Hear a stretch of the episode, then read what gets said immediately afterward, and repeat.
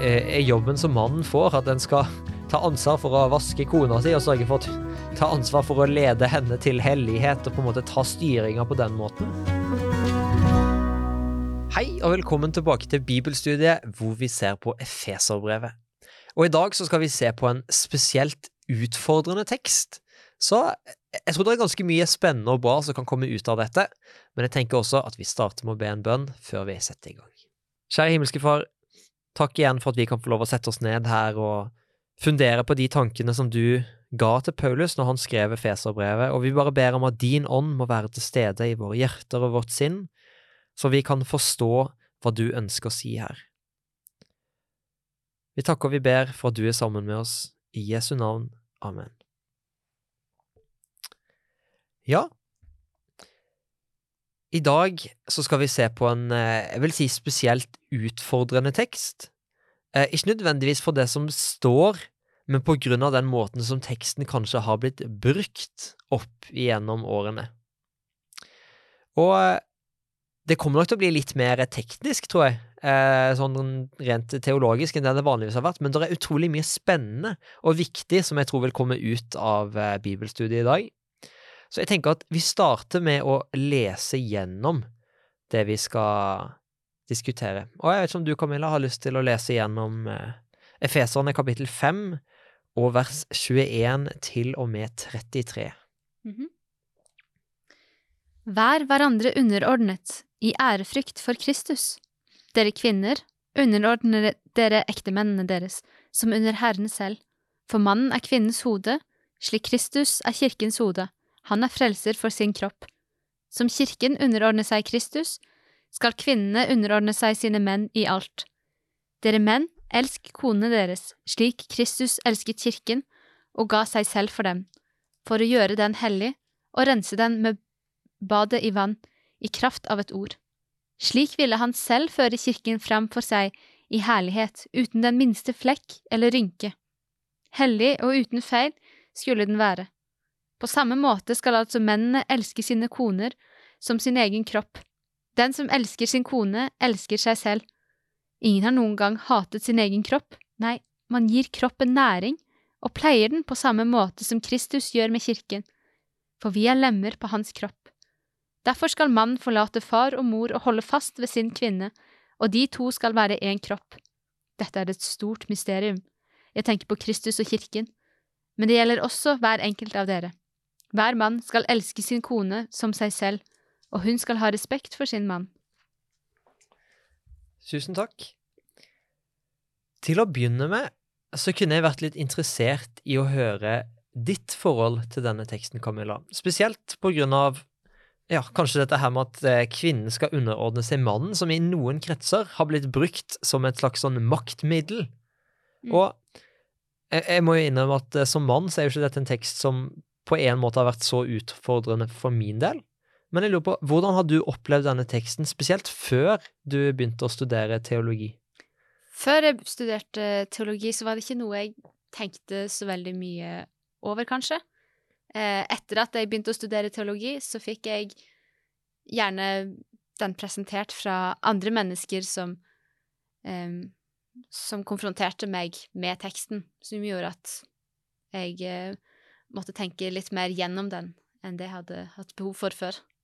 Eh, da i form av, uh, hvis jeg skjønner riktig, som at det at du valgte å bli pastor, så var det noen som brukte denne teksten for å spørre ja, men kan du bli pastor hvis du skal underordne deg, eller? Um, jeg har hørt sånne argumenter blitt brukt eh, mot det at jeg skulle være pastor, ja, men eh, ikke til meg personlig. Det gikk mer på det at hvis du blir gift en gang, Camilla, så når du skal underordne deg din mann, hvordan gjør du det? Der tenkte jeg, vent, stopp en hal. Skal jeg underordne meg min mann mer enn han skal underordne seg meg? Er det ikke en balanse her?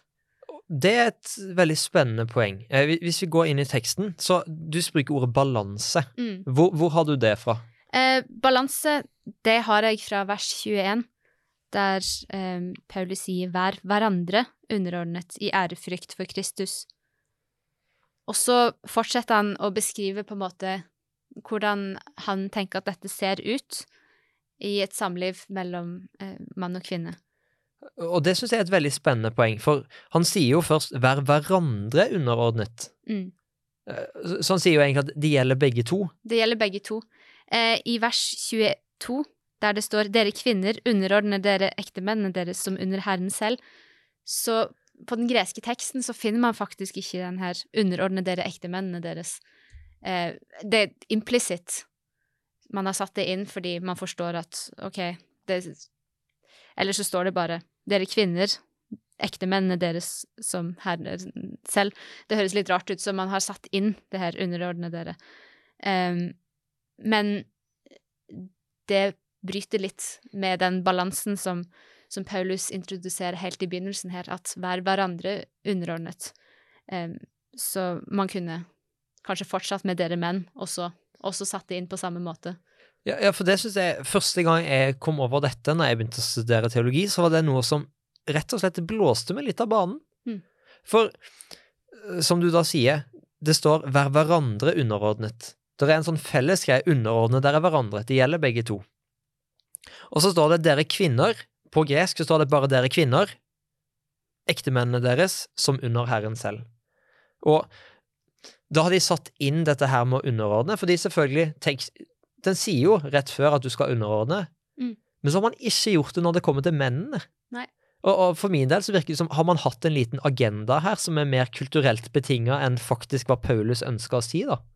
Det er jo Man kan jo tenke at det er kanskje ting som tyder på det. Eh, og så glemmer man litt det, for den første delen her snakker mest til kvinnene. Og så kommer det en ganske lang seksjon her fra vers 25, og så helt til Ja, nesten til vers 32, eh, Mm. der Paulus henvender seg til mennene og prøver å banke inn i de at nå skal dere elske konene deres. Dere skal virkelig elske de som Jesus ga sitt liv for kirken. Eh, vi leste i forrige episode, i begynnelsen av dette kapitlet, ha Kristus som forbilde, dere som er hans elskede barn, lev i kjærlighet slik Kristus elsket oss og ga seg selv for oss som en offergave, en velluktende duft for Gud. Så det er på en måte den her holdningen som Paulus appellerer til mennene, at vær sånn mot konene deres. Mm.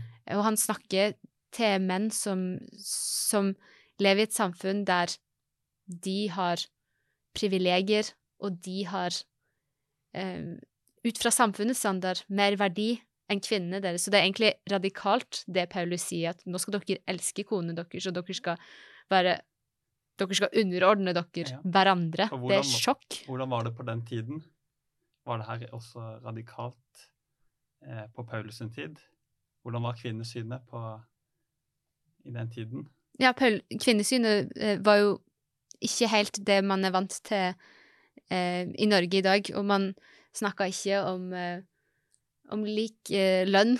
Eh, man snakka ikke engang kanskje om kvinner i arbeidslivet. Kvinner var Ja, de var ikke en del av samfunnsdebatten engang. De var ikke en del av samfunnsdebatten. Det var, man hadde visse roller som man tenkte sånn er det, og sånn blir det.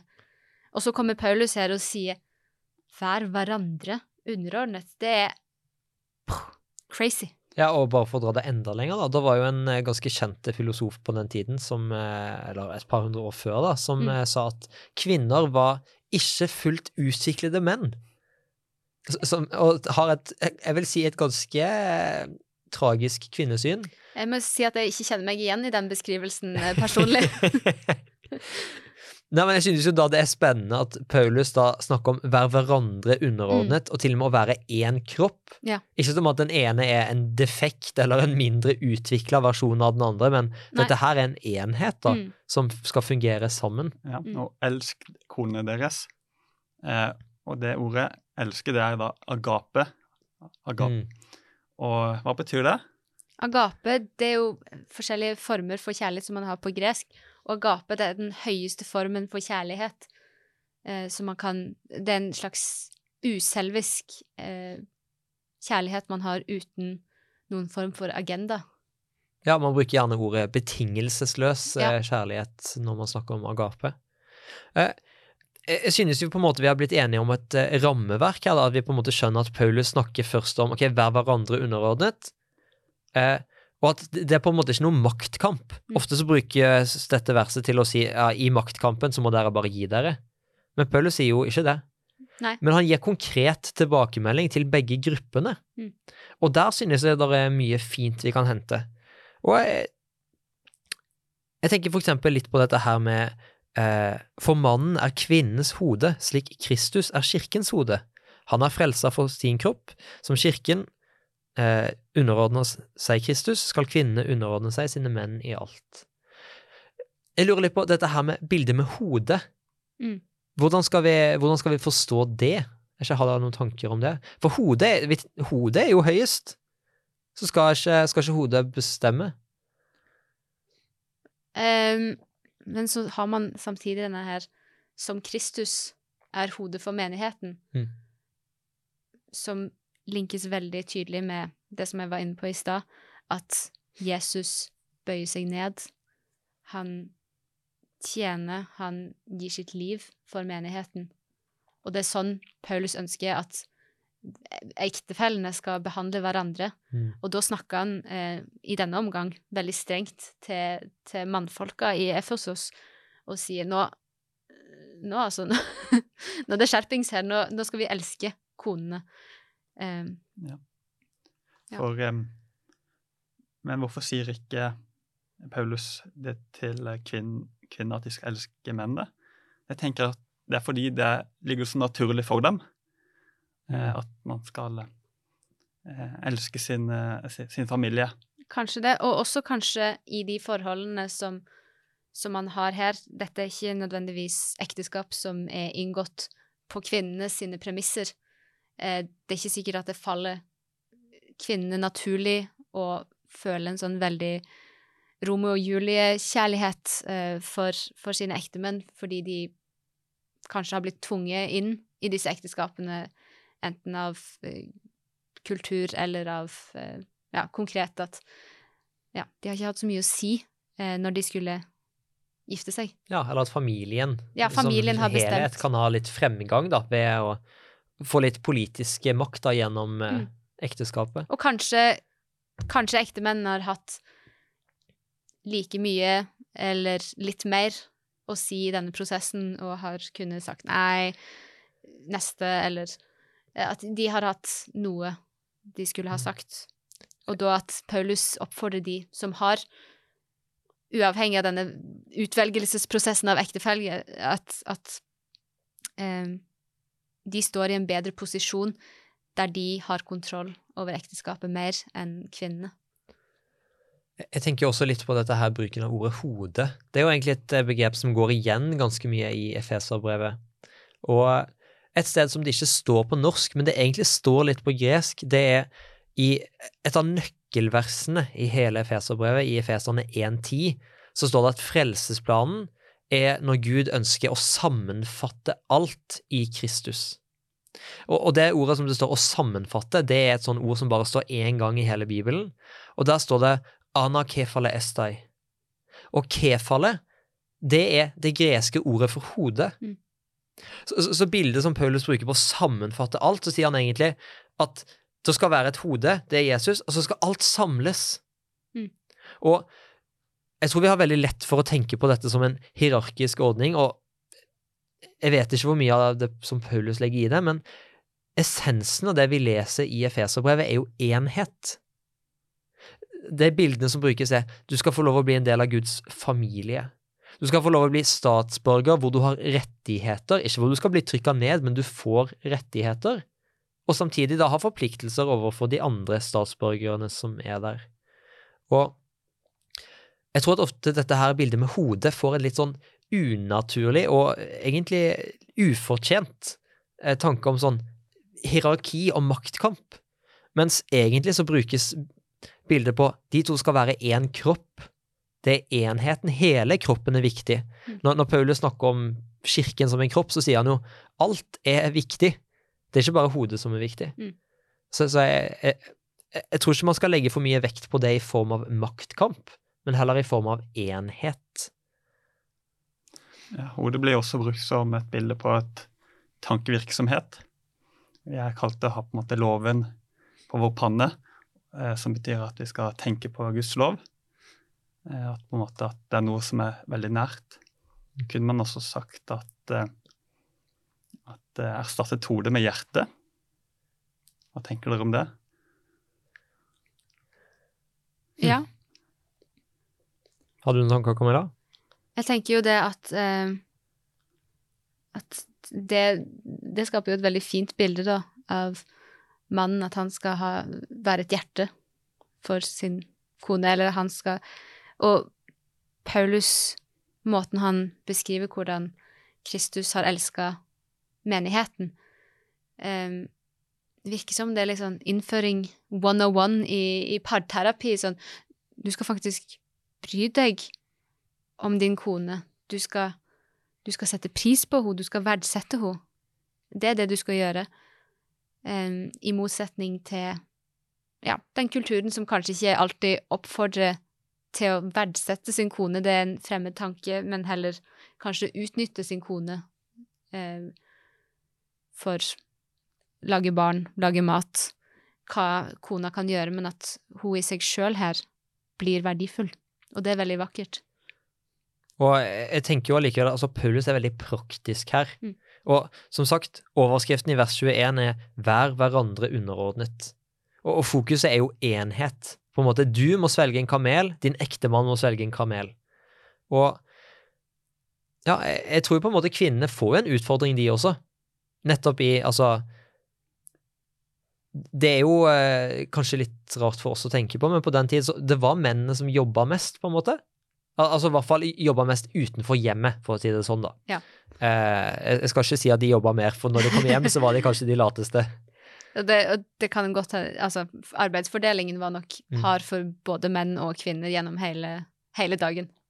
Men jeg må jo også tenke meg at som eh, Nå kan jeg bare snakke for min del, da, men eh, jeg må jo innrømme det at eh, i, i relasjonen som jeg har til min kjæreste Hvis jeg hadde følt at hun forakta meg og ikke hadde noe respekt for meg og tenkte at du er ikke mye til mann, Mm. det ville vært veldig sårt. Så når Paulus bruker dette her bildet med på en måte Nesten respekt, det kommer han jo tilbake til i slutten når han taler til kvinnene, så tenker jeg også at det handler om Din mann har jo faktisk behov for å føle seg respektert, da. Mm. Han har behov for din kjærlighet, at du er med og bygger han opp. Mm. Og, og, og istedenfor å da skape splid og bare 'Å nei, fikk du ikke det, eller du gjorde ikke det du Og dette sier Paulus også ikke bare til ja, de som er til stede her nå, som er gift med eh, en som også tilhører menigheten og hører på det samme. Han, det er jo folk i forsamlingene til Paulus der en ektefelle plutselig har valgt å bli kristne, Mm. og så sitter den andre ektefellen hjemme og har disse samme praksisene som samfunnet her eh, forventer. Så kanskje det er en kone som kommer til menigheten, som opplever at hun Har dere Blir lest undertrykt. eh, eh, Salmos ordspråk om med beskrivelsen om en dyktig kone i kapittel 31? Ja. En veldig selvstendig eh, kone. mm, eh, driftig. Eh, eh, fra vers 10. En dyktig kone, hvem finner henne? Langt mer enn perler er hun verdt. Mannen stoler på henne i sitt hjerte. Han, han, han mangler ikke vinning. Så står det videre at eh, hun eh, ser i vers 16 at hun ser seg ut et jordstykke og kjøper det. For det, for det hun har tjent, planter hun en vinmark. mm. Så det er ikke sånn at kvinnen ikke kan ta egne valg, og at man, alt må gå på en måte mann eh, At hun ikke har egne meninger. Mm. Nei, og det, det er jo spennende at det eh, For din del også, da, som er en gründer, at du trekker frem akkurat det eksempelet. At eh, ja, kvinnen kan ha den jobben også. Mm. Spesielt på den tid, som er Hvor det kulturelt sett vil være en mye vanskeligere rolle å ha, da. Mm. Men her virker det som om forfatteren tar tak i de kulturelle Altså de mulighetene som den kulturen gir, og så sier at dette er en kvinne som bruker de mulighetene hun har, Mm. og så utvider hun og gjør det hun kan innenfor de rammene som, som hun har, og kanskje Ja, Fra vers 17 står det Styrke er beltet hun har om livet. Mm. Hun tar i med sterke armer. Hun, hun merker at forretningene går bra. Hennes lampe slukner ikke på natten. Mm. Veldig driftig. Mm. Og dette er jo ikke, dette er ikke noe som eh, For dette er i Det gamle testamentet ord som en mor har eh, sagt til kong Lemuel, eh, eller noe sånt. Så dette er noe en mor sier til sin sønn, at du skal ikke finne deg en dame som, som ikke Ja, som, som jatter med, og som på en måte Hun sier 'finn deg noen som, som det er tak i'. Det betyr ikke at vi kvinner som leser dette, skal tenke 'oi, det hørtes slitsomt ut'. Uff. Nei, jeg vet ikke, jeg tror jeg blir utbrent hvis jeg folk, som, folk trenger søvn. Det er viktig. Det er ikke det som er poenget, eh, å sitte oppe om natten og, og veve. Poenget er at man da ser verdien i eh, Ja, jeg tror vi er tilbake til noe av det vi snakket om tidligere også, med det med å finne ut hvordan skal vi være uenige. mm, Jeg tenker at dette her handler ikke om en fast mal som man skal pålegge mm. enhver kvinne. Sånn skal du se ut. Dette her er idealet du jobber mot. Det handler jo mer om en Altså, det her er jo et spesifikt eksempel. da. Dette Mm. her er noe du burde se etter som en konge. Mm. Men eh, jeg tenker jo også bare at Paulus her sier i hvert fall prinsippet, uansett hvem du er, hvordan Mm. du ser ut, må være at måten du møter din ektemann på, er med en slags respekt og enhet. Bygg han opp. Mm. Men nå har jeg lyst til å gå litt videre og se mer konkret på hva, hva er måten som mennene skal underordne seg på. Hva er måten som, utfordringen som Paulus gir til mennene? For det slår litt hardere for min del. Eh, og da tenker jeg på å bare lese fra vers 25. Dere menn, elsk konene deres slik Kristus elsket kirken og ga seg selv for den. For å gjøre den hellig og rense den med badet i vann, i kraft av ord, slik ville han føre kirken framfor seg i herlighet, uten den minste flekk eller rynke. Hellig og uten feil skulle den være. Jeg har noen ganger lest dette her og tenkt oi, eh, er jobben som mannen får, at den skal ta ansvar for å vaske kona si og sørge for å ta ansvar for å lede henne til hellighet og på en måte ta styringa på den måten? Er dette personlig hygiene? Ja. ja, eller åndelig hygiene også. Men eh, når, jeg har sett litt nærmere på det, så ser jeg jo at Paulus sier bare dere, dere menn, elsk konene deres slik Kristus elsker kirken. Og så sier han dette var måten som Jesus elska kirken på. Han tok og rensa den, og han førte den frem for seg hellig uten det minste flekk og rynke, hellig og uten feil. Måten kirken måten vi mennesker ble hellige på, måten vi kunne bli frelst på og ført frem uten feil, er jo nettopp ved at Jesus døde for oss. Og jeg, jeg føler ikke Paulus her sier at vi skal ta Jesus sin plass overfor kvinnen. Det er ikke det en utfordringen han gir til mannen, men han sier når Jesus viste sin kjærlighet, så var han villig til å ofre seg selv, til og med livet sitt, for for kirken, for oss, og på samme måte så får dere menn i oppgaven å ta vare på konene deres og gå så langt at dere skal være villige til å ofre livet deres for dem. Se på din kone på samme måte som Jesus ser på. Og så går han videre og sier på samme måte skal altså mennene elske sine koner som sin egen kropp. Den som elsker sin kone, elsker seg selv. Og så sier han noe som Jeg vet ikke om Paulus hadde skrevet dette ordrett hvis han levde i dagens samfunn, men ingen har noen gang hatet sin kropp. Men ja, ok, hvordan skal vi tolke dette verset i dag? Jeg eh, tror ikke han mente Og ingen har noen gang sett seg sjøl i speilet og tenkt «Æ». Men eh, jeg tror Paulus mer mener det at, at når det er noe som er en del av en sjøl, så integrerer man det. Man tar det med i livet sitt. Det er noe som man holder Mm. veldig nært eh, til seg sjøl. Kanskje i dag så ville man formulert det på en annen måte, så ingen har noen gang hata sitt eget barn. Ja. Betydningen er vel at den som elsker sin kone, elsker seg selv. Mm. Ja, og det er jo noe der med Altså eh, Jeg tenker ikke på det hat som følelsen å hate, men kanskje mer aktivt i form av måten du uttrykker det på. Altså, For ens egen kropp, hvis du er sulten, så går du og spiser, i de aller fleste tilfeller. Selvfølgelig, det er jo mennesker som sliter med også det, men jevnt over, hvis du er sulten, så spiser du. Hvis du er for varm, så går du og sørger for at kroppen din kan kjøle seg ned. Og jeg, jeg tror han sier her at på den måten som du elsker din egen kropp og tar hensyn til de behovene som er der, så må du også ta hensyn til kona di og de behovene som er der. I like stor grad som du tar hensyn til deg selv, da. Mm. Og selv om dette ikke er Paulus sitt budskap, så kanskje man kan ta dette med som en slags parentes til oss i dag, at ta vare på deg sjøl. Mm. Eh, vær god mot deg sjøl. Mm. Ja, kanskje at før du finner en kone, så bør du ha det godt med deg selv først. Kan man tenke det sånn? Det er også et uh, veldig, veldig godt poeng, da. Og uh, jeg liker det bildet som Paulus bruker med en litt sånn fysisk respons da, med, med kroppen. Hvis kroppen trenger noe, så rent fysisk så er det sånn Å ja, men det må jeg gjøre noe med. Mm. Og så sier han den samme responsen skal du ha når du ser kona di eller ektefellen din, for jeg tror disse tingene går minst like mye begge veier, egentlig. Men så sier han når du får denne fysiske responsen, sånn skal det være når din ektefelle også sliter. Da må du ha en slags fysisk respons på Oi, men jeg, jeg må gjøre noe. Hva, hva, kan jeg gjøre for å på en måte dekke det behovet som er der? Og ja, jeg bare synes det er et veldig fint bilde. Mm. Og, og, så avslutter han da denne her diskusjonen med den felles underordningen fra vers 31 til 33. Derfor skal mannen forlate mor og far og holde fast ved sin kvinne, og de to skal være én kropp. Dette er et stort mysterium. Jeg tenker på Kristus og kirken, men det gjelder også hver enkelt av dere.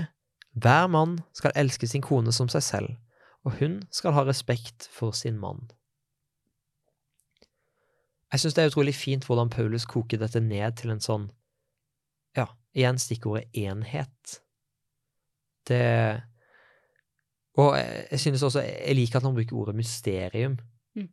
Det Samme ordet som han brukte tidligere, når han eh, forklarte hvordan hedningene også får lov til å være en del av, mm. av kirken. Nei, jeg, jeg, tror jo det å nå, nå kanskje jeg skryter på meg å ha vært gift i 40 år, som sikkert veldig mange andre kan, men jeg synes allikevel at den kjærligheten man kan føle overfor mennesker, og når man går inn i en sånn parrelasjon på den måten, jeg synes det er litt mystisk hvor viktig og hvor stor del av en selv et menneske kan bli, da. Og, og det at Han trekker frem eksempelet med Kristus og kirken, bare Det er et mysterium. Det er egentlig sprøtt hvor langt Jesus var villig til å gå, men han var det. Mm. Mm. Eh, kirken blir også betegnet som Guds øyenstein. Og, eh, eh, og vi ser jo samme parallell mellom mann og kone. Så på en måte konen eh, og ektefelle blir på en måte vår øyenstein. Hvis det er noe som på en måte bare pirker litt borti, så vil det på en måte Da vil alle eh, bli en ganske sterk reaksjon. Mm. Ja, og det Ja, jeg, jeg, synes egentlig at hvis man ser på måten denne teksten har blitt brukt på, da, at man mis, har misbrukt den i en slags maktkamp mm. til å si at OK, men dere må, må underordne dere, det må ikke vi.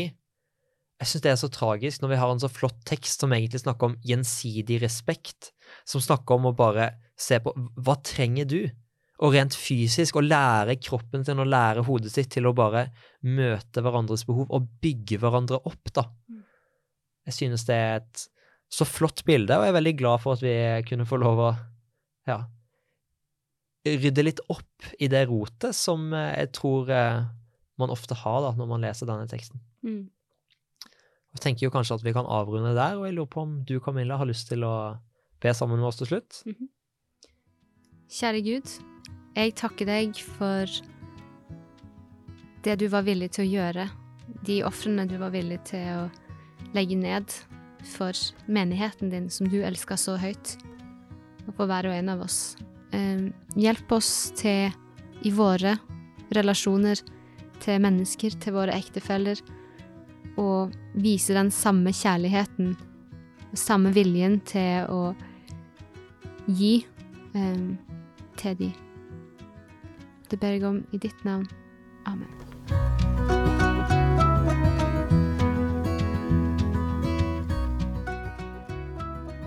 Du har nå hørt podkasten Bibelstudier fra Syvendedagsadventistkirken, produsert av Hope Channel Norge. Husk å følge podkasten, og inntil videre Guds velsignelse.